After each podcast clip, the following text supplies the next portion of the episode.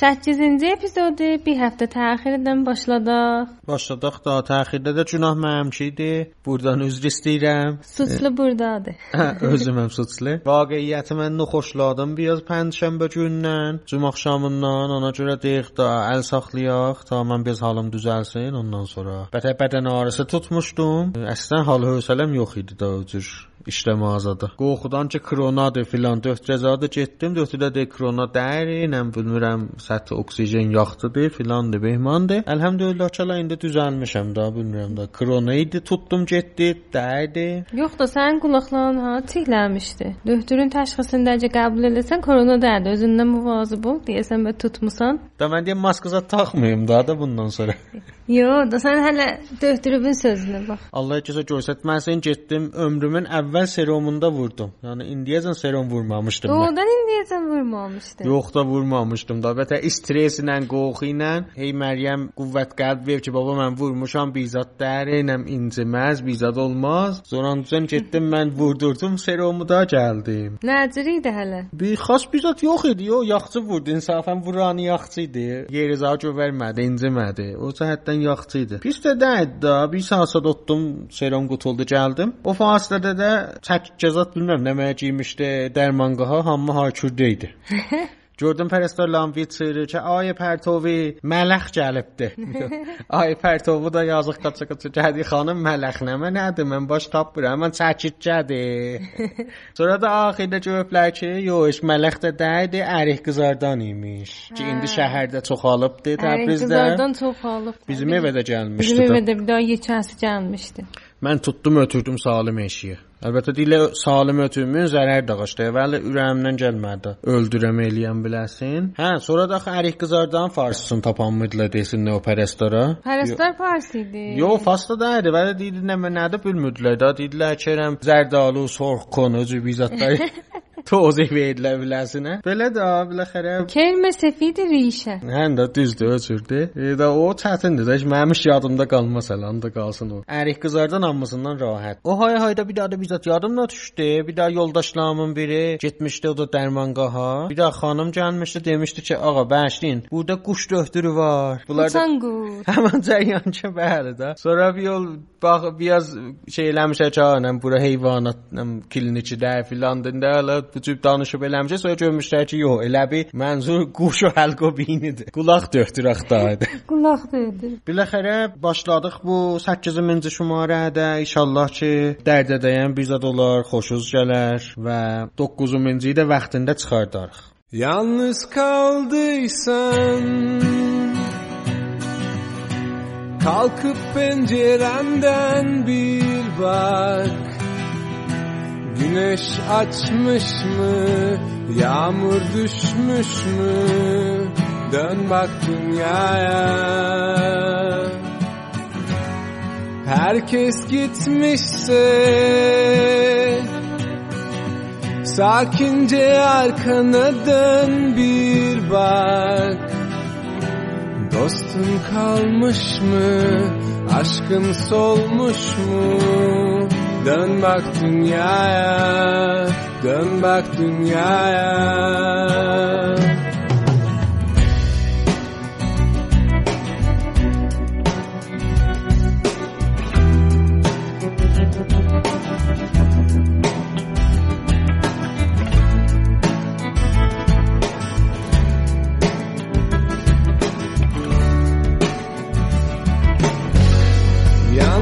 Kaldıysan Kalkıp pencerenden bir bak. Güneş açmış mı Yağmur düşmüş mü? Dön bak dünyaya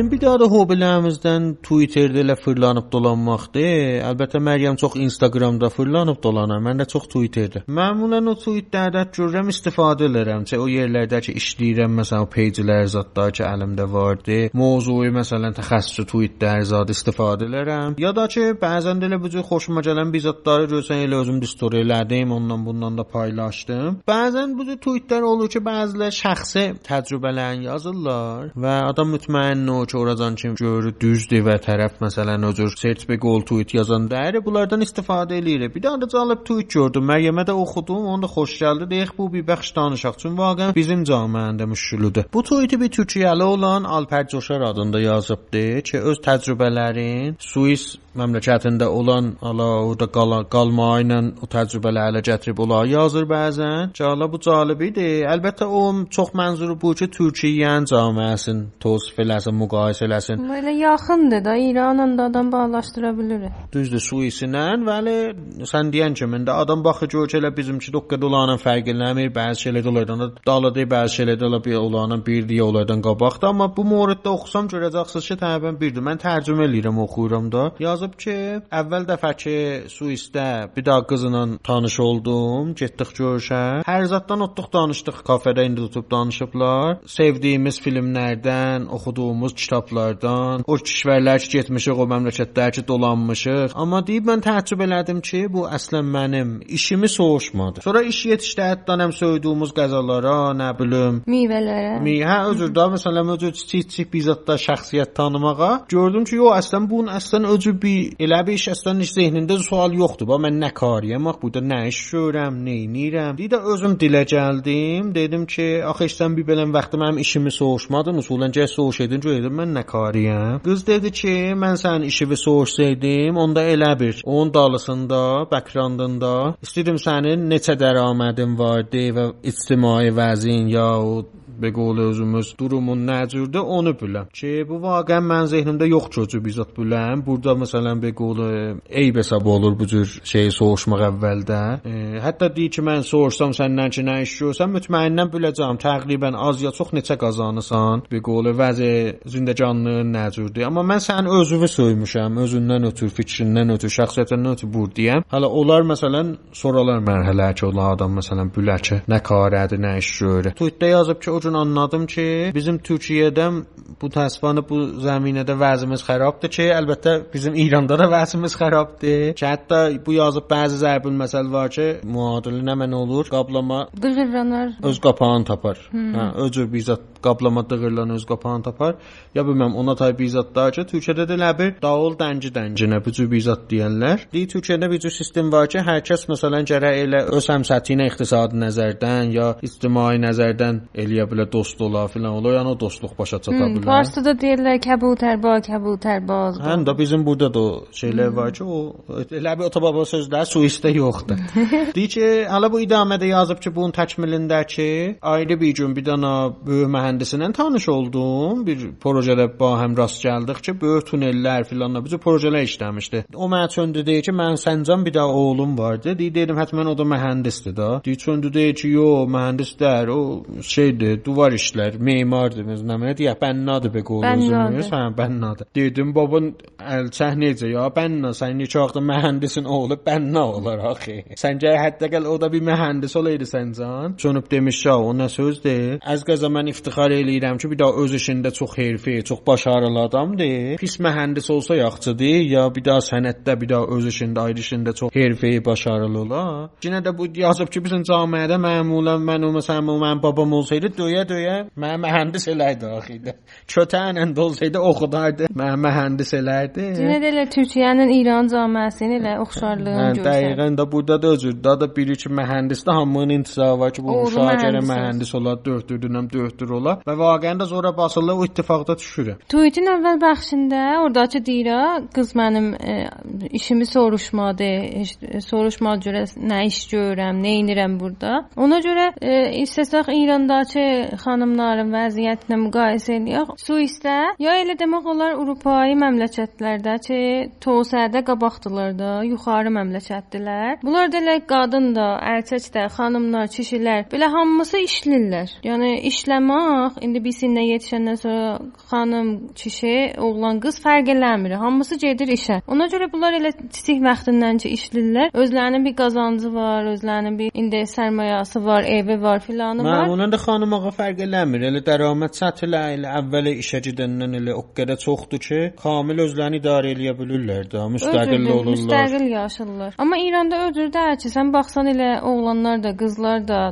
danışqahı qutarıncan, hələ bir iş tapıncan, çox elə dədənin cibinə baxır.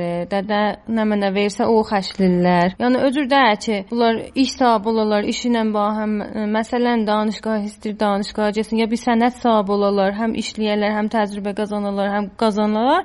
Ödür bizzət yoxumuzdur. Ağa olsa da o qədər azdır ki, dərəmət yenə də fərq eləmir. Çünki məsələn taza işə gedənə illə xanımlara görsən o hətta hüquqçu deyirlər, heç onun yarısını da vermirlər bəzən. Ondan sonra da ki, hətta hüquq özü də elə bizzat deyir ki, məsələn, o hətta çox deyir ki, tərəf gəlsin vaqən əvvəldə özün tapsın eləsin. Elə istəyirəm o deyəm ki, o iki nəfər bu- burada tanış olanda bir-birindən əvvəl intizar, məxsusən xanımlar kişilərdən intizarlar odur ki, əvvəl işlərin desinlər, nə iş görürlər, qazancılar neçədir. Düz olan bərəksidir. Çünki niyə? Burada xanımlar çoxu ev xanımıdır, qazancı yoxdur. Yenə baxacaq, dədə evində dədən əlinə cibinə baxırdı. Burada da baxacaqdı əl, ərinin cibinə, ona görə zindəcanlığın qabağa aparacaqdı. Ona görə çox önəmli məsələdir da. İndi e, nə qədər qazancı var müqabildə ki, o adam ki, sən indi onunla bir zindəcanlıq başlayasan, ya da tanış olmusan, nə cür sənin zindəcanlığın dolanacaq, onun qazancı ilə rabitə müstəqdə var da burada. Ona görə əvvəldə elə onu soruşurlar. Ağalarda da əlbəttə soğuşan var da.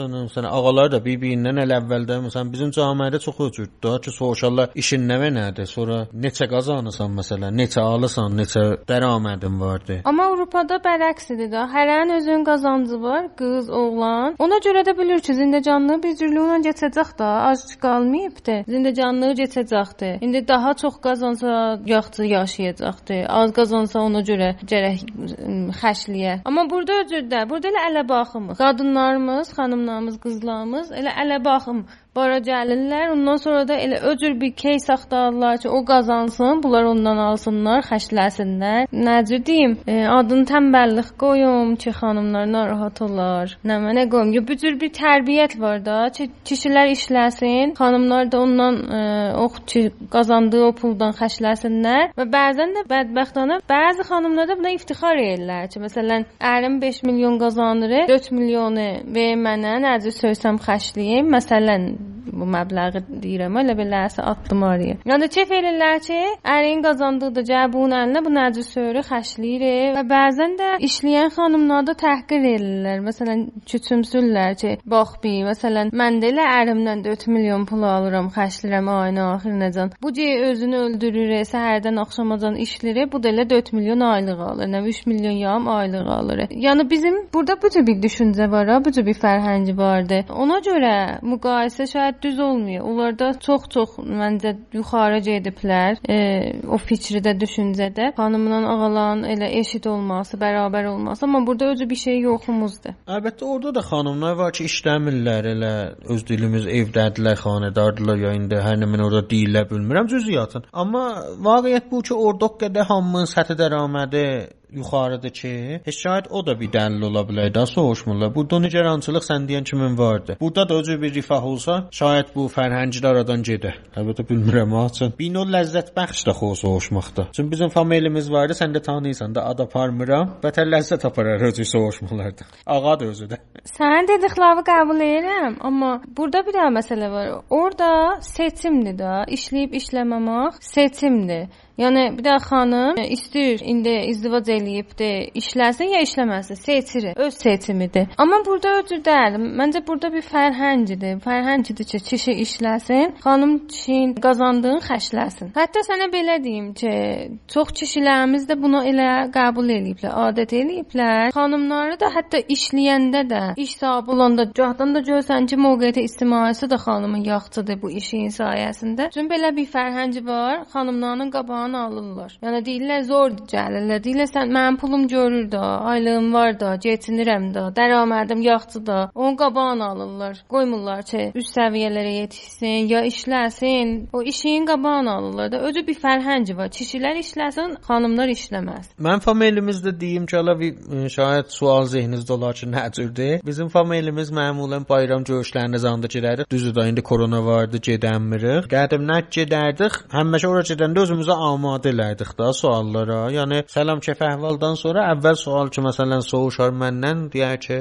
hard indi hard işləyirsən. Sonra cavab verir məsələn neçə neçə verirlər, neçə alırsan, bimən var, neçə il bimən vardı, nə qədər bank xəstəliyi və qalır. Həyat ala bildin ya yox, neçə icarə versən. Bunlar dəqiq hesablar yəni. Şayət kullu familiyanın hesab kitabı vardı əlində. Bir daha da cəlibli, bundan da cəlib bu söz deyim ki, məsələn biz indi bayramdan 3 ay sonra da getsək ki, nə həminlə əvvəldən soğuşar. Biz mırçınan deyəşətlə bir daha dəftər zadı vardı ki, orada tik ki, yəni düz demişik qəblən ya yox, ya məsələn əvəz olubdu vəziyyətimiz ya yox, bir tiksat vurur. O cür bir e, vardı və fikrim bundan da ləzzət apar. Biz də xoşumuz gələr ha, elə məsələn bu cür bir mırt elərik üstündə. Bu cür bir adam nədə var da ki, fəqət elə nə mənə deyirlər, konçkavlıqdan zatdan da soğuşa bilər də. O cür deyək hamı həttən bizat niyaz görür ya bizat olur. Kontkavlıq ola bilər. Çox adam elə kontkav deyək, fuzul deyək, nə mənə deyək adını. Öcül bir şəxsiyyəti var da, gərək hər zada yetişəsə uşaq. Amma bu məsələdə ki, müqayisə Bizim familiyamıza fuzul demə ha, elə konçkav yaxçıdır. Sizin famil konskavdır qəbul.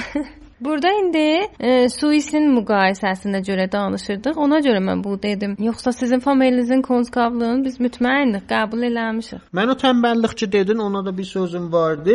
Yəni o ki görürəm vaqiətdə və eşidirəm e, ayrı məmləkətlərdən də. Məmulən o xanımlar da ki, məsələn Suis kimi məmləkətlərdə bir iş görmürlər. Axı burdaca işlə pul qazanmağı qoyaq fərqli bir yerlərə qoyaq, o cür danışaq da. Hər işin pulu yoxdur. Yəni bəzi işlər vardı gönüllü işlər deyirik, davtələbanə, xeyriyyə. Bu da biləxərə iş gör də, şahid biri səhərdən gecəyəcən bir xeyriyyə işində işləyir, amma bir qıranda pul qazanmış cibindən də qoyur. Deyək ki, bu işləmir, cür deyil, tənbəldir, cür deyil. Amma bu ki, məsələn, hə, evdə oturasan, heç iş də görməyəsən, vaxtın boşa keçə, bir daha müfid iş görməyəsən, hə, o tənbəllik olursan deyən kimi. Amma o xarici kişilərdə bəzi xanımlar vardı, çox da dövlətli bir qolusan xanım vardılar ki, təmin kamildirlər də, kamil. Bunlar məmulən vaxtlarını ayırırlar, eşikdə ictimai işlərə. Bir də məsələn xeyriyyə işlərinə məmulən gedərlər, heyvanat qoruma, təbiət qoruma, bilmirəm bu cür bir işlər ki, halaca təfrihi ola, çə xeyriyyə ola, könüllü işlərdir. Yəni pul qazanmır. Amma ictimada fəaliyyət eləyir, enerji sərf eləyir, təlaşını eləyir.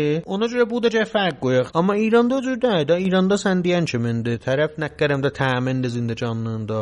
Bu da xanımdır ki, heç şey də yoxdur. Cinə də o tənbəlliyi var. Əksəriyyət bu cürdür. Ha, yəni bir tədad adamda ol, ola bilər ki, bu cür dəyərlər ki, biz tanıyırıq yaxınlarımızdan da ki, 24 saat elə məsələn müftiyə, könüllü vaxtlarını qoyurlar bəzi xeyriyyə zad işlərə. Amma mən əksəriyyət bu cürdür ki, məmulən heç iş görmürlər. Elə bətalət də, elə fəqət elə yalandan boşa keçsin, nəhayət televizyona baxmaq bu cür bizatlar olur ki, mənim nəzərimdə bu da gəç cəmiyyətə təqviyyət ola da. Yəni hətta bu olar ki, mən pul lazımım deyir. Amma o vaxtım enerjimi çə verməyim. Onu qoyum bir daha gönüllü işləyim da, bir daha müfid işləyim amma. Hərdən köhnə paltar səs zad eşitsəz də bəşləyin də, çünki hava istidir, pəncərələr açıqdır. Keçən şeydə dedik də, mümkündür bu quş səsi, köhnə paltar səsi, maşın səsi, siqnal səsi də backgroundda eşidəcəksiniz ehtimalı. Mən də o tənbəllik dedim, o mənzurum. İndi ev xanımlar indi bu eşidərlər narahat olarlar, yəni hər kəs qulaq asır. Ev xanımlar deyildi. Çünki ev xanımlar bilirəm. Onlar ki uşaq saxlayırlar alırlar, ya indi e, neçə nəfər xanivadədə o bir qəzasını bişirirlər, ev təmizləyirlər. Elə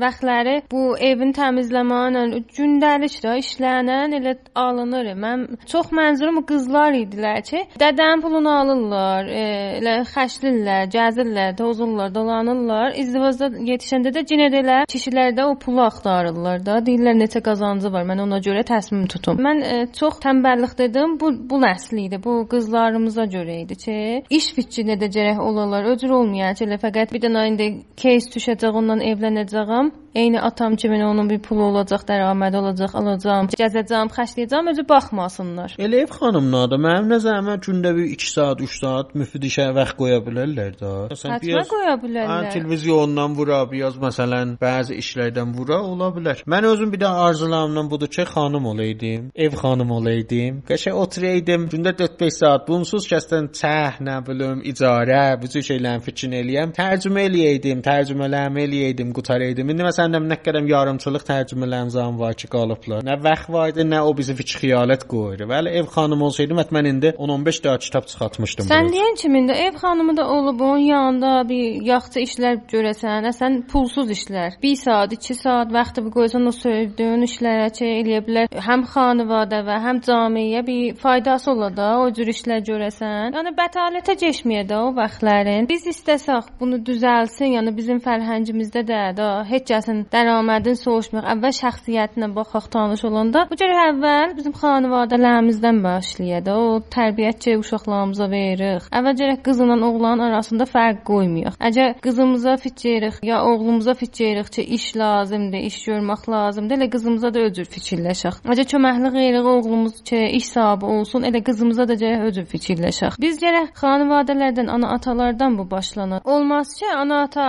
oğlana iş fikrində ola, e, ayəndəsinin fikrində olan, amma qızının fikrində olmaya və bu tərbiyə qızına verməyə. Məsələn, gərək ana ataların düşüncələri fərqlənə ki, bizim oğlanlarımız, qızlarımız da elə o düşüncə ilə böyüyərlər. 2-ci bəxş tweetdə də orada çağ mühəndis oğlun zorlamayıb ki, getsin mühəndis olsun, oğlu bənna olubdu. İttifaqən də yaxşı bir məlumdur, hərfəyə bir bənna olubdu ki, mühəndisə tərifləyibdi. Bizim cinə e, ana ataların düşüncələri də o fərq ordadır. Gör, görürsən, sən bu ata razıdır ki, oğlu bənna olsun, düz bənna olsun, başarılı bənna olsun. Amma bir dənə mühəndis ki, işin söymür, işindən qaçır, bəlkə zəhləsi gedir, hə, işin başarmır, düzgün görmür, olmasın. Babək Xürrəmdinin atasında da danışdıq, atasına görə danışmışdıq keçən epizodlarımızda. Atası bir psixopat şəxsiyyəti vardı ki, uşaqları məcbur edir ki, bunun fikri ilə qabağa getsinlər. Yadında olsa bu belə bir şey dan danışdıq. Düzdür, 2000-ci, 3000-ci epizod idi yadımda düzgənsə. Üçüncü idi elə bir. Burada elə bizim ana ataların bir psixopat olduqlarını düşünə bilirik. Uşaqların hər zada məcbur edirlər. Məsələn, e, uşaq görsən musiqi söyür, istəyir getsin Hünəristanı musiqiyə, ana ata qabağın alır. Yo, nə mütrib olacaqsan, filan olacaqsan, sən gərək döhtür olasan. Zorlayırlar da, zor zorla yollurlar. Bu döhtür elirlər. Tərəf görsən ki, biraz ki, biraz, biraz özün bir yerdə çəhdi, qutardı. Ceyri musiqi də örcəşir. Da döhtürlüyü belli. Yol cey musiqi dansı. Ey beləm dərs oxumaq, ey beləm xəzinə qoymaq hamısı heçə gedir də. Ax, bulan bir Babək Xürrəmdinə nə rəbti vardı? Nəcür oldu axırda? Hə, o demədim, o yadımdan çıxdı. Deyirəm ki, Babək Xürrəmdin babası da bizim o familiyyətə hamıdan soğuşardı dərəmədin zadı. Yo, öcür də bu, bu çox biraz yuxarıdır, səthi, leveli yuxarıdır. Deyir ki, bu Babək Xürrəmdə deyir ki, mən konkur verəndən sonra intixab riştə eləmişdim. Cavab gəldi, gördüm ki, fərş riştəsindən qəbul olmuşam. Təəccüb elədim, deyim, ox mən heç fərş riştəsini seçməmişdim ki, mən sinema söyürdüm, sine sinema televizyon riştəsini seçmişdim. Biraz getəndən sonra, araşdırandan sonra görür ki, atası, həmin o psixopat atası bu intixab riştə eləyəndən sonra bundan mədarək alır ki, ver apam mən post eləyim. Yolda əvəzlir də, riştə kollən əvəzdir. Söyür riştə riştəçi, fərş riştəsidir. Onu seçir biləsinə və burdan istədim bağlayan bizim ana atalarımız nə qədər uşaqlarında o baskı var da, o Hər zorla. nəvişinən zoru ilə öz sözlərini də.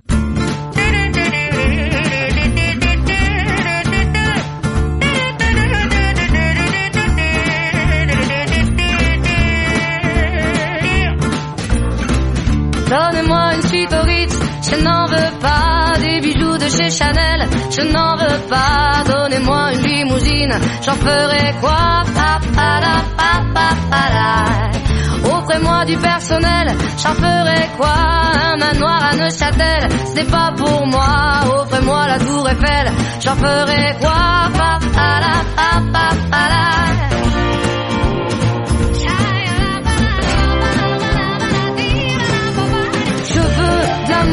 de la joie, de la bonne humeur. Ce n'est pas votre argent qui fera mon bonheur. Moi je veux crever la main sur le cœur. Allons ensemble découvrir ma liberté. Oubliez donc tous vos clichés. Bienvenue dans ma réalité.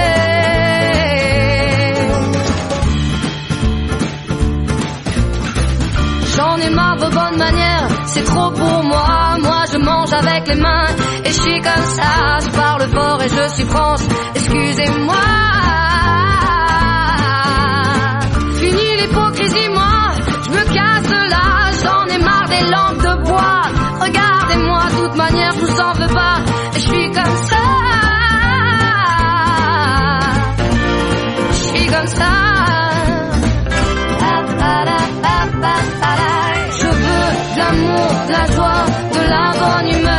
n'est pas votre argent qui fera mon bonheur. Moi je veux crever la main sur le cœur. Allons ensemble découvrir ma liberté. Oubliez donc tous vos clichés. Bienvenue dans ma réalité.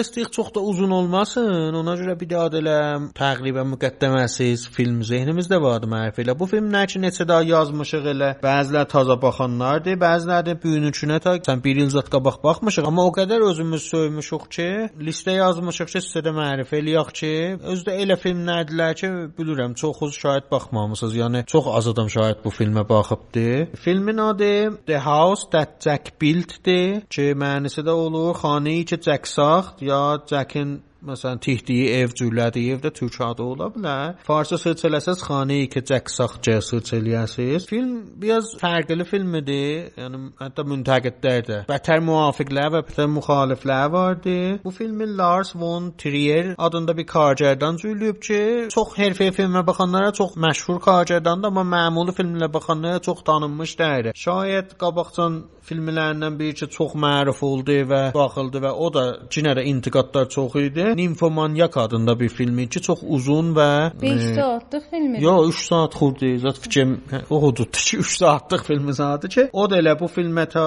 o cür bir rəviyyə alındı müntəqidlərin tərəfindən. Bu film özü də 155 dəqiqədir. Yəni özür qıssa deyil ki, onlar təqribən 2 saat yarım da cür deyil. 100 həndə təqribən özü uzun filmidir. 2018-də cürlənibdi. Bir gələm caizə də çox apardı. Kəm festivalında zanda o yan bu yanda o cür جشن باله داده جایزه آپارده. او فیلم وحشت و جنایت فیلم نن رده لنده ده و اشتننده بری دیمشته که حتما فیلم نرده بری رده ایسه نزا تاینه لین چون مثلا بیز اشاقلان انزان اطروخ باخره. او فیلم و فیلم نردن چه رده ایسه نزا واقعا این بردن یخاره ده جره حتما او رایت الیاسیز و o adamlar ki, xuşunətdən və cinsi səhnələrdən xoşlar gəlmir, əslən cəhbə qoyala kənara heç baxmayalar bu filmə. Elə mən də müntəqidlərə tay e, bu filmin bilmirəm tanıtmasını özü tərəfdarı dərdim. Çünki doludur xuşunətinlə özdə çox açıq, bəlli xuşunəti göstərib biləmzə. Kargerdan bu səbki, yəni əlaqəsi var. Bu ki, sansursuz hər zadı göstərsin, hətta xuşunəti. Ona görə mən də özü istəmirdim ki, bir film mərif eləyək, amma niyə razı düşdüm ki, mərif eləyək? Çünki bu xuşunəti göstərmək özü qoxmalı filmlərə tay dər. Yəni qoxmaqdan ötürü göstərmir bu xuşunəti Karcerdən. Karcerdən istəyir bizə bu xuşunətin nədənlərini göstərsin. O fəlsəfi baxışı ilə, o ədəbiyyatçı baxışı ilə istəyir bizə bunu göstərsin. Elə qəşəng dedim bir dənə də bu idi ki, bu seçdikcə ala təvafuq elədikcə danışaq, çün elə iki göllü qalmışdıq. Bu idi ki, burada bir bəxş filmi deyirik ki, xuşunətdir, cinsi noxoşluqlar filan nəzətlər də vardı içində və çox lüt ə, oryan görsənir, nəinki şəxs lüt olsun, mənzur xuşunəti oryan görsədir. Amma bir tərəfdən də bətər ədəbiyyata yaxın bir dənə filmidir. Yəni yaxında demək olmaz elə. Yəni ədə iç-içədir də. Yəni ədəbiyyat sövən biri olsa 100% ləzzət aparacaqdı. Və bezafə bu ki, bilmirəm də ədəbiyyatı qoşub onun içinə ya onu qoşub ədəbiyyatın içinə, ala o yenə də bəhsdə bölünəcəkdi. Oradan mən baxırdım bu Karcerdan işləyənə də Karcerdan əsas səpçi budur. Etiqadı budur ki, xuşunət insanın vücudunda vardır. Hətta acımasızlıq, e, nə bilim, vicdansızlıq bəzən insanlarda vardır ki, bizlər e, net, illər boyu, tarix boyu bu xuşunəti sansor eləmişik. Ödürçü gərək göstərməmişik. Ona görə bu Karcerdan bəzən hətta xuşunəti çox yuxarı səviyyədə göstərir ki, adam mən mən özüm filmə baxanda bəzən gözlərimi yumurdum. Təmin eləyəmirsən, baxasan, amma vardı. Yəni bu xuşunət illər boyu Karcerdən düz deyir. Tariximizdə vardı. Necə ki biz bunu filmin səhnələrində də görürük. Cəngi Cahani doğumdan bir səhnələr vardı, paylaşıbdı filmdə. E, yaxın tarixə də baxsaq, Xocalıdakı cinayətlər insan əli ilə olub da, bəşər əli ilə olub. Göz çıxartmalar, dəri soymalar, soyqırımlar. Riza diqqət edirdi ki, bir dənə qaşıq gördüm ermənilərin birinin əlində. O zaman o əkkas idi də, əs saydı o cinayətdə olan zaman. Deyir, dedim bu nə mənədir? Dedi ki, bundan e, Azərbaycan Azərbaycanlıların gözlərini çıxardaram. Deyir sonra bir mən baş tapmadım bu dəqiq nə deyir. Gəldim gördüm ki, bir dənə ölü yəni şəhidlərdən ya ölənlərdən gətiriblər. Nənəsi bu açdı gözlərini gördü ki, deyib baxın, heç bunun gözləri yoxdur. Yəni yerində deyildi. Və vaqəən bir tane adamlar var ki, o cür bir işlər gördülər orada. Elə bu Karcerdən də istir onu bizə desin ki, biz bu xuşunətləri o qədər acımasızlıqlar ki, qəbul eləmirik. Hətta filmlərimizdə bəlkə sansor deyirik, göstərmirik. Çox az göstəririk. Amma bu vardı. Tarix boyu insan e, bu cür işlər görübdü, bu cür çox xəşin də, nə xuşunətli işlər görüb ki, heç bəlkə danışılmayıbdı, göstərilməyibdi. Xaricdən bir üçün film namənəvəsdə özüdür bir yerdə bir daha cümlə deyir ki, mənim nəzərimə o filmin də elə təqribən kullun səndiyət tozih verir. Şəxsiyyətlərin bir dilindən deyir ki, siz əmala baxmayın, olduqlara, elədiklərə baxmayın. Siz o əmalın nə əsərlər qoy özündən sonra ona baxın. Yəni əmalın əsərlərinə baxın. Bu cür bir məzhəbi etiqadlarda da vardı bu ki, o işlərin əməllərinə də İslamda da var ki, mühüm işin özündən mühümdür. Yəni xaricdən deyirsən bu xuşunətə baxma. Bu sonra nə etkilər yaradır mərdumun içində, xanvadədə, ictimada, ona baxın siz ona bunu. baxın. Hətta filmin axirlərində elə məzhəbi baxışı ilə qutulur demək olar. Bu xaricdən yəni o məzhəb baxışından da filmin elə layihələrində işlədibdir. Yəni o məzhəbi baxışda sən düz deyirsən, Karcerdən də vardı. Bir də ki, bir məsələ ki vardı. Mən baxırdım bu filmi Scorsese-nin filmlərinin yanında, yəni əlbəttə Scorsese-nin bir daha filmində o Cəzirə Şater filminin yanında qoyublar, bərabər gətiriblər. Dəlili də budur ki, çox rəvanşinası filmidir. Yəni rəvanşinaslar ki, indi danışdılar ya şəxsiyyətşinası oxurlar. Deyirlər bu iki filmə gərək baxalar. Yəni kamil filmidir də, ona görə biz də seçdik. Yəni rəvanşinası vardı, xuşunət vardı, cinayət vardı, ondan sonra polisidir, müəmma həll olur filan o cür bizatlar vardı və hamısından da rəhlə bir ədəbiyyat da içində vardı. Yəni e, çox adam eləyə bilər cəzb olsun və bilmirəm niyə az adam baxıbdı. Hala şahid elə yenə də xuşunət səhnələri. Mən fikirləşirəm, sən bu filmi qoyublar ha, cinayət qoxmalı filmlərin rədəsinə. O da gərək qoruydular da. Qəbul.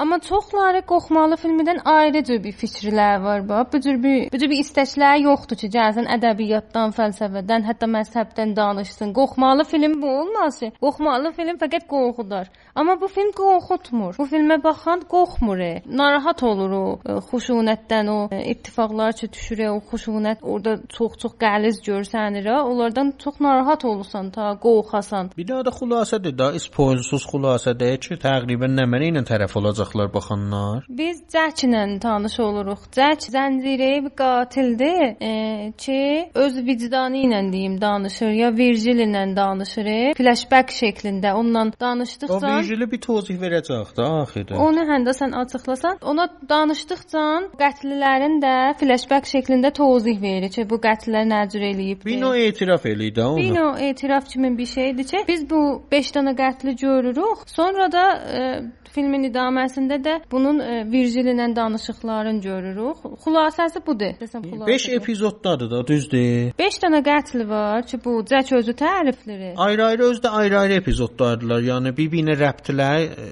var ha, əlbəttə rəbti kullanıcın Cək də hamısında və o Virgil ilə etiraf eləyir danışır, amma ayrı-ayrı əngizələr, ayrı-ayrı mövzulardılar hərəsi. Amma bir-birinə bağlıdırlar da. Bağlıdırlar Çünki da. Biz istəyirik nədənlərin, yəni bu filmdə Virgil də, biz də ki baxırıq. İstəyirik bu qətllərin nədənlərini bilək də. Niyə?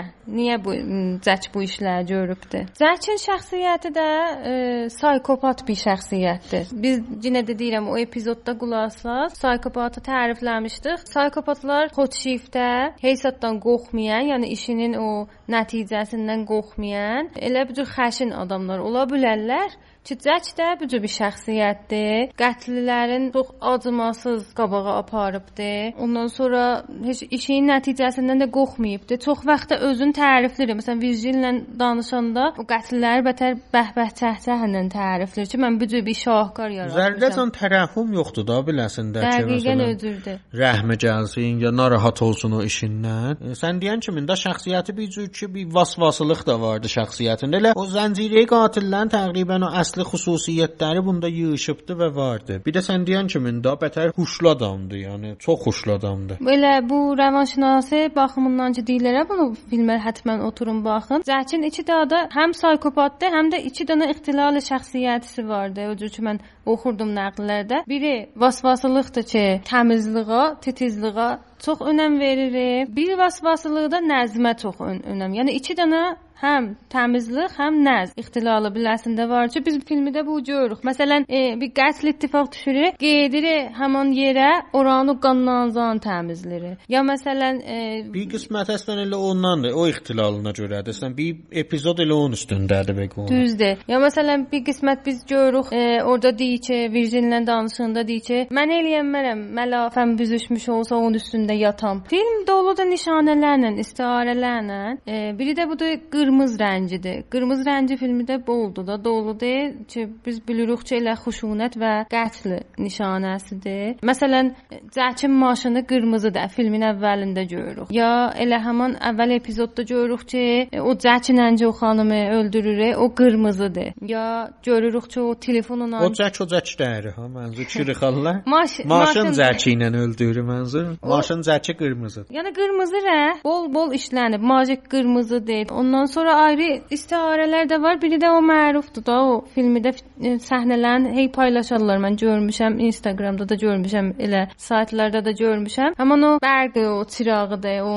kölgə salmasıdır. O, o səhnə özü istiarəyi və fəlsəfi bir dialoqu vardı, yəni monoloqu vardı, cür deyim. Ora məsələn yaddan çıxmalıdır da izafə demirəm. Bir daha da ki, çox istifadə olubdu və istiarə şəklində deyək ki, vaqe ilə filmə qatışıbdı. Mən ədəbiyyat qismətini ki, heç hesab demədik ona görə. O da mən bir xülasə tozih verim. Bu filmdə çox şərit komediya ilahının o cüziyyatından, nəqqaşlarından, istiarələrindən istifadə olubdu. Komediya ilahının nəqqaşından şayad internetdə search eləsəz görərsiniz də. Məsələn, elə Virgil ki, Məryəm dedi və bunu həmrahlıq eləyir və bu Virgilə etiraf eləyir. O sən deyən kimi bir də qırmızı şeneli var da Zereşqirəhdə ki, nəqqaşlarında zətdə da elə baxsaz o kitabın internetdən də download eləsəz ya baxsaz elə dəqiqən o şəklə pal paltar ki var idi. Bu filmdə də elə o şəkillə zahir olur.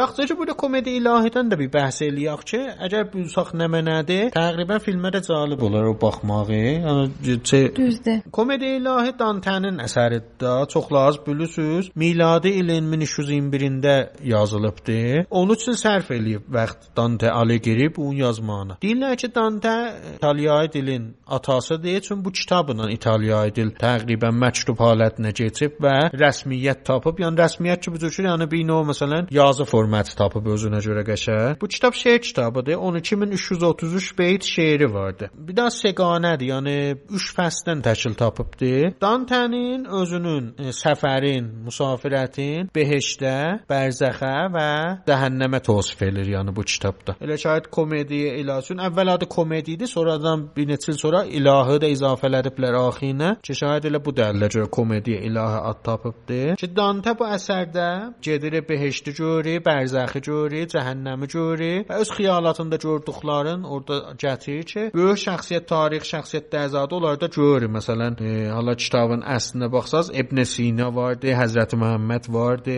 Büzür-büzür padşahlar, əfsanəvi şəxsiyyətlər, qədimi şairlər ki, bu komediya ilahi şair olubdu. Hala bu filmdə necə ondan istifadə eləyibdi? Virgil Komediya İlahi kitabında Dantəni rahnumalıq eləyir ki, cəhənnəmlə bərzəxdən keçsinlər və bu rahnumalıqda ona yol göstərir, ona dastanlar tərifləyir. Məsələn, ittifaqat ki, Dante soruşur, tozih verir. Yəni bir növ həmrahdır və yol göstərəndir. Bu filmdə də elə biz görürük ki, bu Jack ki qatildir. Kollən Virgil ilə yol bir olubdu və hətta filmin axirlərində də istəmirəm, e, məsələn, üzə çıxsın, lap gəlizləşəcək bu ədəbiyyatda o xuşunət qismətləri özün vaqən yerin verəcəkdi bu ədəbiyyat qismətlərinə və bunların o fəlsəfi və ədəbi danışmalarına. Necə ki, Məryəm də dedi, Virgil bu filmdə elə əvvəldən vardı və Jack öz xiyalatında, təsəvvüratında Virgilə etiraf eləyir, işlər görübdü, onlara görə danışır və bir fəlsəfi sözlər rədd-bədəl olur. E, fəqət burada deyim ki, o kitab komediya ilahi farsəyə də tərcümə olub neçə seri, neçədən mütərcimlə. Əvvəl e, 1335-də tərcümə olub bu kitab ki, onda kamilən sansorsuzdur. Amma e, ondan sonrakı tərcümələrdə Həzrət Məhəmməd bəxşi ya bir tədad bəxşilər həsf olub bu kitabdan, sansor olubdu. Ki, Allah fikir edirəm kulli kitablar həm elə əvvəl sansorsuzu, həm bu bilsələr elə internetdən çox rahat search eləsəz, çünki bazarda fikir eləm olmayacaqdı illahu əvvəldəki. Bəli internetdən downloadlasız PDF-lə əzab vardı. Hala biri əlaqəmənd olsa eləyə bilər. Filmə baxandan sonra ya filmdən qabaq ona da bir göz dolandırsın. Hətta gəl mənim tövsiyəm budur ki, nəqqaşlarına baxın, çünki çox gözəl irtibat vardı və təqribən bəzi səhnələr var ki, dəqiqən onun kitabın nəqqaşlarına müntəbiq cürlənibdi ki, həttəmən xoşunuz gələcək. Bu da izafələdim ki, Virgil burada müntəqiddən nəzərindən Cəkin vicdanı da ola bilər. Bir baxımdan Virgil Cəkin vicdanını oyatmaq üçün, yəni vicdanı mütəpətmək üçün vardı. Yəni buna bundan danışır, o işləri görüb də onun istir xodagahiyə öcür deyim. Xodagahiyə yetişsin bu Cək və da fikir edirəm idaməsini desəm spoiler olacaqdı film, amma Virgilin nəqşi odur.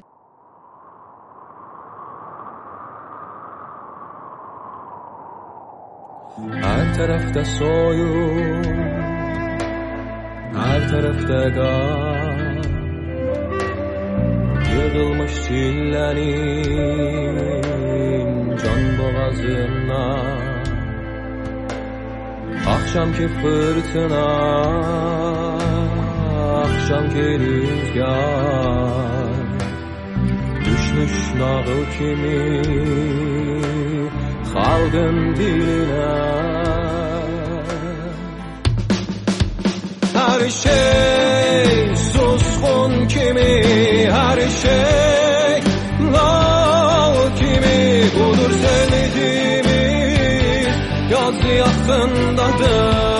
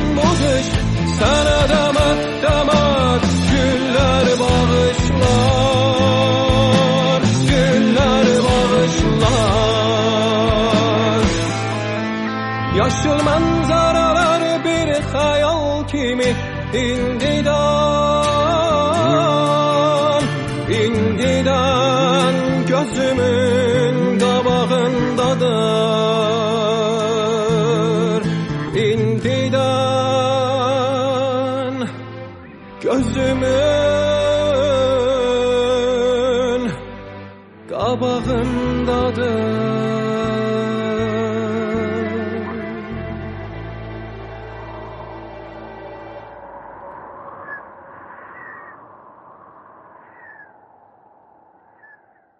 Havalar da ki qızışıb, demək olar ki, Təbriz şoz istidir. Ayrı şəhərlərdə fikrim kamil qızışıbdır. Yəni Azərbaycan məntəqəsi indi istidir. Gücü vaxtlarda cəmaət isti vurur, həm əsablar xarab olur istidən. İşdə olanlar illa lap çətin o ki, kargər işlər görürlər, gün qabağında işləyirlər, lap çətin ki, Allah köməkləri olsun. Məryəmdən dedik nə yaxşı ki, gələk bu cür bir fan bölüm qoyaq. Bu epizodda görək ki, qədimlərdən indiyəcən bu istilərin qabağını almağa nə mənələ içidilər, nə işlər gördülər. İndi nə mənə içə bildik ki, isti vurmanın, istinin qabağını alaq. Azərbaycan məntəqəsində bu istiliyin qabağında dayanmaq üçün ya istiliyin qabağını almaq üçün neçə dana şərbətimiz var da ki, demək olar populyar deyilən. İstəsəm sayan biri İskəncəbin şərbətidir, ablumaya ya həmin xaricilər klaslar limonad deyirlər, lim- ablumu şərbətimizdir. Ondan sonra Mojito da var da onun xaricilər. Mojito vardı. Mojito da ki fərqlidir də biraz bu na- ə, nanə ilə də o tərkibi çox nanə üstündədir. Buranın da da onlar Meksikdən gəlibdir mojito. Hələ mən istədim burançılar sayım. Ablumu şərbətidir, sonra reyhan toxum ə, reyhan toxumu şərbətidir, buz şüvərəndir, amma şüvərən şərbətidir, şahsbərən şərbətidir. Bunlar ə, bu məntəqənin deyə bilərəm sevilən ya bu şərbətlərdir ki, yayda elə evdə də, eşikdə də düzəldərdilər, satardılar. Demək olar buranın gögö verəntilərindən cürlənib də, yəni elə məhəllə gögö verəntilər, onlar ki, istiyin qabağını almaq xasiyyət dəvada, onlardan istifadə eləyiblər də. Düzdür, dəqiqən özürdür. Bunlar demək olar ki, qədimi şərbətdilər də. Bu məntəqədə lap elə oradan ki, hələ mən bilirəm, 100 il bundan qabaqacan var idilər. Yəni 100 il bundan qabaq bu şərbətlər cürlənirdi bu məntəqədə. ondan qabaq da var idi. Oradan ki mən bilirəm də ondan qabağında gərək təhqiq olunur, gərək dağılsın gedilər. Hələ məsələn bu deyə bilərəm ki, 50 il bundan qabaq bu buz şüvərən bir də İskəncəbin şərbəti Təbrizin öz bazarında satılardı. Bizim məsələn ata ki, nocavanlıq sinində idi. Orada bazarda işlərdi. O deyər ki, mənim məsələn xatirələrimin biri odur ki, yayda gətirərdilər, buz şüvərən satardılar. İndi də olur da, vəli azalıbdı o cür model satmaqda. Vəli İndi biraz modernləşib də. Görsən məsələn qablarda dəstgahlar olur ki, bunlar buz şüvələ əza düzəldirlər qatı. Da əldə satmaq yoxdur. Mən görməmişəm. Yerlər var elə meyvə suyu satanlar zətlər bunlar satırlar bəzən. İndi məsələn kafelərdə zətdə də moda olubdu. Buz şüvələn şərbətin zan qoyublar menolana. Kafelərdə kamil. Bu cür deyim bir əvvəlcə bizim babam o səsləmə modeli də yadında qalıbdı. O qəd məsələn xoşuna gələrdi ki, o da zehnindən çıxmayıb. Düzdür, kaş burada olaydı elə özündə o səslərlə deyəydi və Sən deyə bilərsən deyən. Mən də valla mən də uşaqlığımda şahid eşitmişəm. Bəzən və çox da sinnim yox, yetişmir. O elə siz elə qeynatadan eşitdiklərimdir ki, bu cür səslədilər ki, ay bala buz şüvərəndir, xalis şəkərdir. Yox, canə sən o zaman yox idin bu şüvələni satasan. Heç kəs almazdı biləm. Nə bu nə də səs nə? Üzücü mən səsim qalaydı əlimdə. O bizdə məsələn səslərlə deyərlər məsələn mənim İranım sərin səlamət. Ay İskəncəbin şərbət içən. Ola sən gedəsən ayrı şəhər, şərbətdən qalır Da başında. məndən məsələn mən də buracan idi mənim. Buzşübərən şərbəti özü ki dedik, qədimi şərbətlərdəndir. Buzşübərən özü də Azərbaycan məntəqəsinin bitkilərindəndir. İranın şimal e, qismətlərində demək olar Xurasandan ta Azərbaycanacan bu bitki elə çöllərdə, dağlarda özü çıxır. Amma da indilər şübərənin əkin bitimi də vardı. Eləyə bilirlər əksinlər özdə ki su az aparır. Ona görə cənub məntəqə məsələn Kazerunda zətdə bunu qəşə əkirlər, bərdəşt edirlər, satırlar yaxud da sata bilirlər. Öz dediyimdə də bu şübərən hər yerdə tanınıbdı. Şüvərənin bir də iradçı vardı. Elə Türkistan, Livanistan içəsən tez yedi təkə. Təhnişin olur. İstən qaşınla qarışdırasan, aparasan ağzıva, o dəqiqə gəlir təkə. Bilmirəm, bunun bir şeyi var, formulu var işmağa. Məncə nə qədəm eləyirəm. Elə toxumlu şərbətlərin hamısı özürdür da. Elə reyhan toxumu şərbəti də, şübərən də. Gərək qarışdırasan, fौरən içəsən. O elə gedər təkə. Xassiyyətləri odur. İrad odur da, yəni adam yavaş-yavaş ləzzət aparanmır işmağa. Gərək birdən çəkəsən başını. Amma o birisi ki, deyin şahsbərən şərbəti çox sövərəm mən. O özü şərbətlər rahat yavaş-yavaş içmək olar da. Hərəsinin özü xassiyyətləri var da. Elə toxumlu şərbət, elə şübərən olar, reyhan toxumu olar. Bunlar xassiyyətləri budur ki, su özlərinə cəzb edirlər. Hətta reyhan toxumuna baxsaz, labnalar, biraz suda qalandan sonra labnalar, bunlar da e, o görsədir ki, su özlərinə cəzb edirlər. Sonra bu bədəndə o suyu qeytərir. Rudədə o su qeytərir bədənin özünə. Bais olur ki, həm bədənin su təmin olunsun, həm də ki, o atəşdən salır da, o istilərin o atəşindən sənə salır. Bunun cürləməyə də çətindir fikir eləyirəm. Biraz e, zəhmət aparandır. Zürləmaj yox, daha doğrusu bu cür deyək də, şüvərən yuması biraz çətindir. Çətindir ki, biz başarmaq istəyir də, o formulunu bilmək istəyir. Şüvərən yumaq üçün gərək həttəmən 2 dənə qabıc ola, 2 də kasa, 2 də pars qoyasınız əlinizin altına. Şüvərə tökəsiz, su tökəsiz üstünə. Bir zərrə onu qarışdırasınız, e, təhnişin ki oldu. Suyun üzündə yığışan o tələfi boşaldasınız eşiyə. Sonra o su ki qalıb de şüvərəndə onun altına gedibdi. O boşaldasınız 2-ci qabın içinə. 2-ci qabda gəl su olmaya. Onu boşaldasınız onun içinə. Axırın yavaş-yavaş boşaldacaqsınız. O torpaq ki qalıbdı onun içində o getməsin cinə çasanın içinə. Bu işi demək olar 3-4 dəfə gərək hey təkrar eləyəsən ki, torpaqlar ayrıla, o, o tələf ayrıla, xalis şüvələn özü qala. Şüvələn biraz batıq olar da, bu torpaqsat qarışar e, bu toxumlarla. Ona görə bu biraz diqqətlə 3-4 dəfə təkrar eləməklə təmizlənir. Əsl mərhələsi şüvələni yumaqdır. Bu mərhələni ki, rədd elədin. Sonra elə şərbətdir. Şərbətini eləyə bilərsən, qabaqsadan hazırlayırsan, yəni şəkərinə su qeynədəsən, əridəsən, soğudasan, hazırlayırsan. Bir livan, yəni suya bir qaşıq qəzal qa- qaşığı şüvərən, bunlar qatacaqsan. Şərbət amadədir. Şərbətin yəni özün hazırlamaq çox rahatdır. Bir də ki, toxumlu şərbətlər, elə şüvərən də, reyhan toxumu da. Yaxşısı budur ki, 1-2 saat qabaq bunları isladasan. İsladasan ki, bunlar o su alsınlar. Bədəndə də o mədədə və yaxud dediyim kimi rudədə xasiyyətin görsəsinlər. Nə qədər bunlar islansa, biləm xasiyyəti çoxalar bədəndə. Bu məsələn bu şərbətlər həm atəşdən salır, həm rudəni, həm mədənin təmizlənməyinə köməklik eləyir. O adamlar ki, mədələrini xoşlur istidən, deyirlər bu şüvərən iş mədəvi sakitləsin, rahatlasın. Bu cür də xasiyyətləri çoxdur. Yayın demək olar, adın qoyublar. Əsli içəcəkdir də. Əsli içəcək bir də möcüzə içəcək deyirlər. Bunun adını qoyublar möcüzə. O birisi içməlilərdəki ad apardım. İskəncəbin e, sirkə ilə düzələr, bilirsiniz. Ondan sonra reyhan toxumudur ki, reyhan toxumu ilə ya fa, e, faslarda toxumu şərbəti deyirlər ki, reyhanın fərqlidir. Fərqi budur ki, e, bu toxumu şərbəti çöllərdə bu cür deyək də vəhşi ləbi reyhandır, onun toxumudur. Yoxsa elə həmin reyhan toxumundan da bu cürləmək olar. E, bir də ki, şahsbərən şərbətdir ki, o da bilirsiniz onun ərəq, ərəğindən cürlənir. Ablumu şərbəti də ki, e, hamımız da başarısınız da. Turşlumu ilə şirə. Şə- şərbətli şirədir. Bir dənə fəqət riz nöqtə vardı ki, burada söyləyirəm, paylaşam sizlərlə. Bu şərbətlər elə reyhan toxumu şərbəti, bir də şüvərən şərbəti. Təğziyə döktürləri deyirlər ki, bunlara atcana da lumu tö- sıxın tökün bu şərbətlərin içinə. Nə qəd bunun şirəsinin qabağında biraz o əsidi bizə zad olsa, o şərbətin xunsa eləyir. Baş ki, su yaxdı cəzb olsun bədəndə. Yəni bədən şirə almasın. Mən də elə istedim deyəm ki, bunların tərkibini imtahan eləyin. Çünki məsələn bəzən şahid bilmirdim məsələn İskəncəbin nə mənədə çox qədimdir. İndi İskəncəbin içmirlər çox. Amma Məryəm deyən kimi sirkə ilə şərbətin ya e, şirənin tərkibi olur. İskəncəbinə bəzən mən görürəm çox fas məntəqələrində xiyar rəndəlirlər, tökürlər. Düzdür, tərkib eləyin. Elə mən də o istedim deyəm ki, bu buz şüvərənə ablumu da törsəz içməli olar, ya buz şüvərənə e, şahsbərən ərağı da törsəz içməli olar. Yəni bunlar Çox mən görmüşəm, sən indi dedin, yaxşı yadıma düşdü. Bu şüvərən şərbətinə çox gülab tökərlər. Mən görmüşəm ki,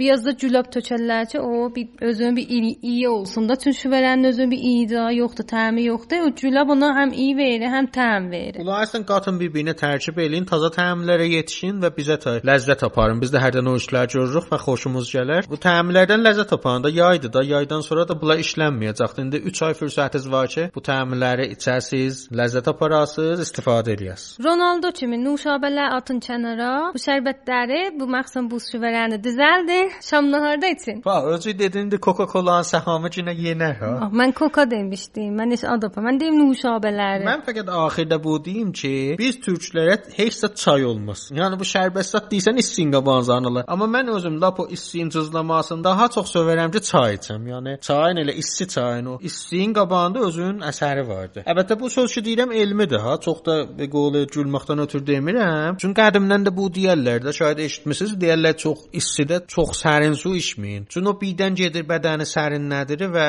bais olur ki, bəzən bədəndə ixtilallara zada bir noxoşluq gətirir ya bir bizada bais olur. Amma çay bir cürdür ki, yavaş-yavaş bədəndə istisini əldən verir və sizin bədənizi yavaş-yavaş soğudur o mayat kimin dərcə. Birdən soğusun bədəninizə. Yaxşı oldu. Bundan bu yana nahar ça istidə yetişidən evə tərin qarpız axtarsan, yeyəsən, sərin içməlidən zətdən axtarsan, isti çay qoyacağam qabağa içəsən. Yo, elə şərbət də versən mən qəbul elərəm.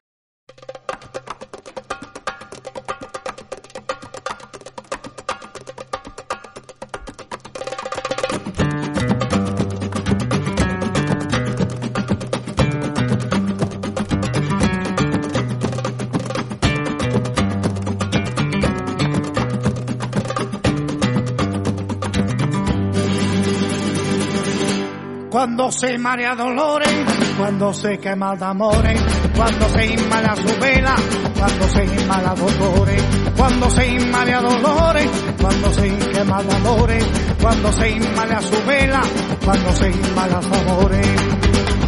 Baila, baila, baila, baila, baila, baila, bailame, esta rumba, esta guitarra, que yo siempre cantaré, pero no siempre cantaré, pero no siempre cantaré con otra guitarra, veo que no siempre cantaré. Cuando se inma de dolores, cuando se quema dolores, cuando se inma la su vela, cuando se inma la dolores, cuando se inma de dolores, cuando se quema dolores, cuando se inma la su vela, cuando se inma la dolores. Baila, baila, baila, baila, baila, baila, bailame, esta rumba taitana, que yo siempre cantaré, pero no siempre cantaré, pero no siempre cantaré, esta rumba taitana, que yo siempre cantaré. Que solo vive enamorarte.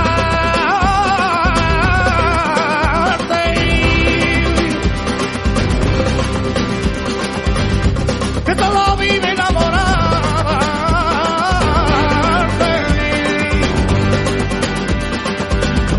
Me enamoré de esta guitarra.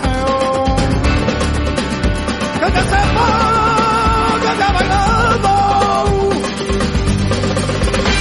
Baila, baila, baila, baila, baila, baila, bailame. Esta rumba, esta guitarra, que yo siempre cantaré, siempre cantaré. Esta rumba, esta guitarra, que yo siempre cantaré.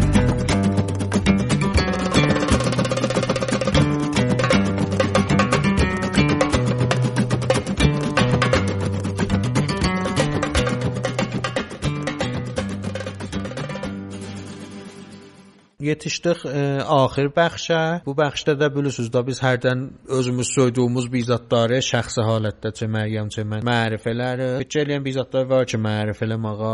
Bir də ki, bir daha da bərqə görə mən istədim bizat deyəm bu axirdə də istəmədim bu bir daha özü müstəqil bölüm olsun. Bu bərqlərin getməsi nə qədər müşkülata bais olubdu məmləkətdə və hamı narahatdır. Hamının əsabı xarab. Hamının hesabı hə xarabdır ki bizdə biri. İki də bu da mövzu vardı. Bir dənə bu ki bu los olub ha. Yəni məsələn indi bir nəfər deyəndə də hamı mislənir ki, sən də əl çəkirək, amma mən vaqəən deyirəm, əgər əlimizdən bir iş gəlmir, hətta gəl müfid iş görək o 2 saatı. Məsələn biz məsələn kitab oxuyuruq, düz ayrı vaxt oxuyuruq ha, bəli onda məsələn da deyirik boşa ötürməyək də vaxtımızı, da məsələn işimizi görənmirik. Bir daha kitab yazdı olsun oxuyun. Məsələn iş yerində olsaz, ya harda olsaz, evdə olsaz, ya eşdə olsaz. E, büzü bir işlər mənim nəzərimə yaxşıdır. Hələ bu e, deyirəm, istəmirəm şora çıxsın bu sözdən, amma bir daha ayrı bir söz zehnimdə var ki, istədim mətrəh eləyəm ki, vaqəən bizim təvəqqü səthimiz nə qədər məşayə gəlibdi. Bunu oturaq fikirləşək. Da demirik bərq qət eləməyin məsələn, bərq niyə gərək qət ola. Deyirik sən Allah 2 saat gətir. Hə, də deyirik 2 saatdan çox olmasın. Məsələn, eyb eləməz 2 saat. Ya məsələn, deyirik ki, vaxtın bizə düz desəz eyb eləməz. Məsələn, 4-dən 6-ya deyirsiz, düz 4-dən 6-ya getsə eyb eləməz. Ya məsələn, deyirik ki, e, eyb eləməz, bərq qət olsa da olubdu, amma məsələn, o dəkəllərin o bərqi getməsin, anten getməsin, internetimiz getməsin o 2 saatda. Bino,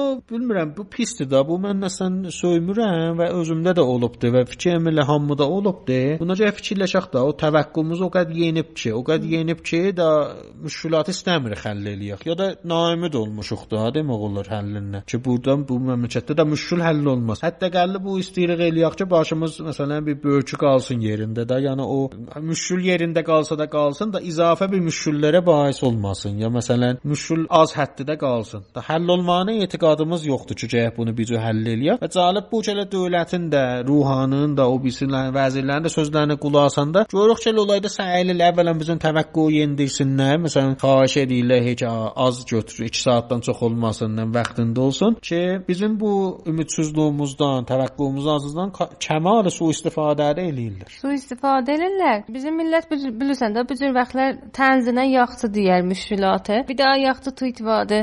Sən də şahid görmüsən. Deyir ki, bərqlər bizdən ötü götürürlər. Çünki elə söyünməyə biz adımız yoxdur. Bərqlər gələndən sonra da bətər söyünürük. Fəqət o bizdən ötürü elirlər. Bunun elə misalı da var idi. Bizim həmsəyələrimiz, bəğəl həmsəyərimizdə bərqi 2 saat gedəndən sonra mən bir vaxt gördüm, hay qorxdu, bir təşviq, bir hura filan. Qədim vaxt salavat çörərdilər. İndi əvəz olub, indi təşviq eləyirlər. İndi hə, söyünür, cəmaət söyünür. Gördüm ki, baxdım, əl atdım, baxdım ki, mən bərqilər gəlibdi. Oradan bildim ki, doğudan istiləyirlər bu millətin. Başım bir yolda bərqilərlə, bərqilərin ceyib gəlməyinə qalsınlar. Elə o tənzlər sən elə cinə dəlillə naümidlikdir da. Adam vaxtı iş həll olmur, sən heç iş dəlindən gəlmir. Hala hər dəlillə görə qorxusan, ya hər nə edirsən ki, bir iş görənmisən, yəni vaqiəətdə məcbursan ki, elə bir tənzilən özünü toxtaqlıq verəsən də, ya bu cür bizatdan. Yaxşı müəyyən sən istədin bizat mərif eləyəsən, e, mərifələr ki, radioda qutaraq. Xanə Mu'təzist Təbrizin, aya Azərbaycan Şərqinin ustanımızın page, Instagram page vardı ki,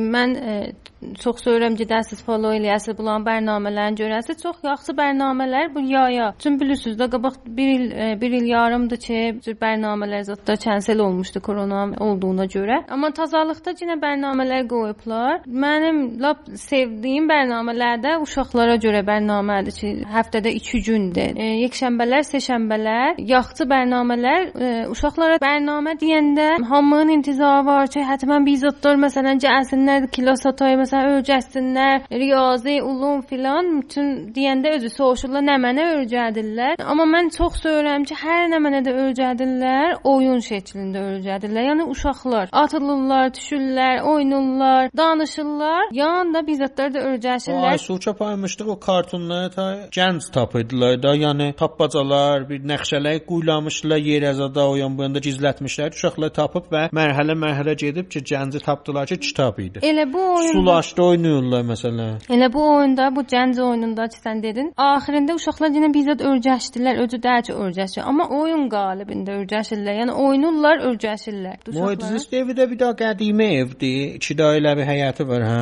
Ya bilməm bir daha həyəti var. Yox, içə ev vəsətdədir, həyətdə. İki həyətdədir, çərdisi, hovuzu. Deyirəm də uşaqlar kef eləyirlər cür bir evlərdə oynasınlar, görsünlər. Həttəmən gedin səfərlərini follow eləyin Məryəm deyən kimi. Bərnamələr də ki, yekşənbələrlə seçənbələrdir. Bir gün qabaq, iki gün qabaq səbtinam eləsəz, o məbləği vardı ki, 60-dır mən hər uşağa. 60 Törsəz, uşaqla anası eləyə bilər ya atası, fərq eləməz valideyni. Eləyə bilərlər getsinlər və 2 saat bəxtlərindən kamil istifadə eləsinlər. orada. Uşaqlar üçün də ana ata bəzən oyunlarda şirkət elirlər də oyunlarda olur, amma çox uşaqlar üçündür. Həttəmən gedin peyjlərini follow eləyin, bərnamələrindən xəbəriniz olsun. Mən də istəmirəm bizzət mərifə eləyəm. Fəqət sən ki bu dedin, mən də deyim qoy deyim ki, Təbrizin Taat şəhəri də 2 il mərəmmətdən filandan sonra axirdə iftitah oldu. Fikir eləyirəm 2 də azadda buracan taatlardan orada səhnəyə gedibdi. Oraya da bir baxın bərnamələrinə, hansı taatçı xoşunuz gəlsə, çün bu korona cəryanında demək olar ki, taat tətil idi da. Olar ki, teatr əhlidirlər də, ala bizə tayda gedirlər. Darıxıblar teatra da. O da həm himayət üçün, həm özünüz ləzzət aparasınız və istifadə eləyəsiz vaxtınızdan. O teatr şəhərin bərnamələrinə baxın. Çox fiş orada dalbadal teatrlar orada icra olur e, və fikir eləyirəm də bu qabağımıza gələn həftələrdə elə özür taza-taza teatrlar səhnəyə gələcəkdir. İnşallah gedib ondan da ləzzət aparasınız. Əcəb buracan bizimlə bərabər idiniz. Bəs bunu da biləcə deyim ki, bizim peyjlərimizi Telegramda, Instagramda, Twitterdə ikimiz podcast adında tapıb follow eləyə bilərsiniz. Sağ olun ki, bizimlə varsınız. Sağ olun ki, nəzərlərinizi yollusunuz. Çox soyuruq oralarda görək biləzi, o peyjlərdə görək.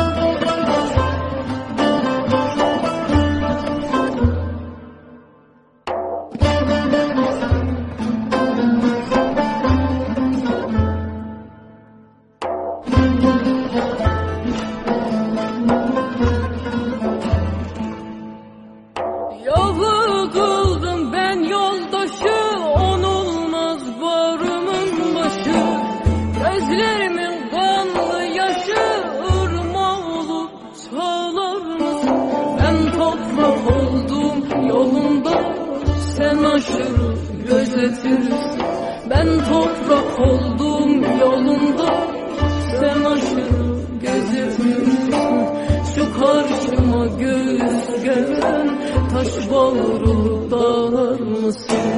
Şu karşıma göğüs gelen Taş bağrı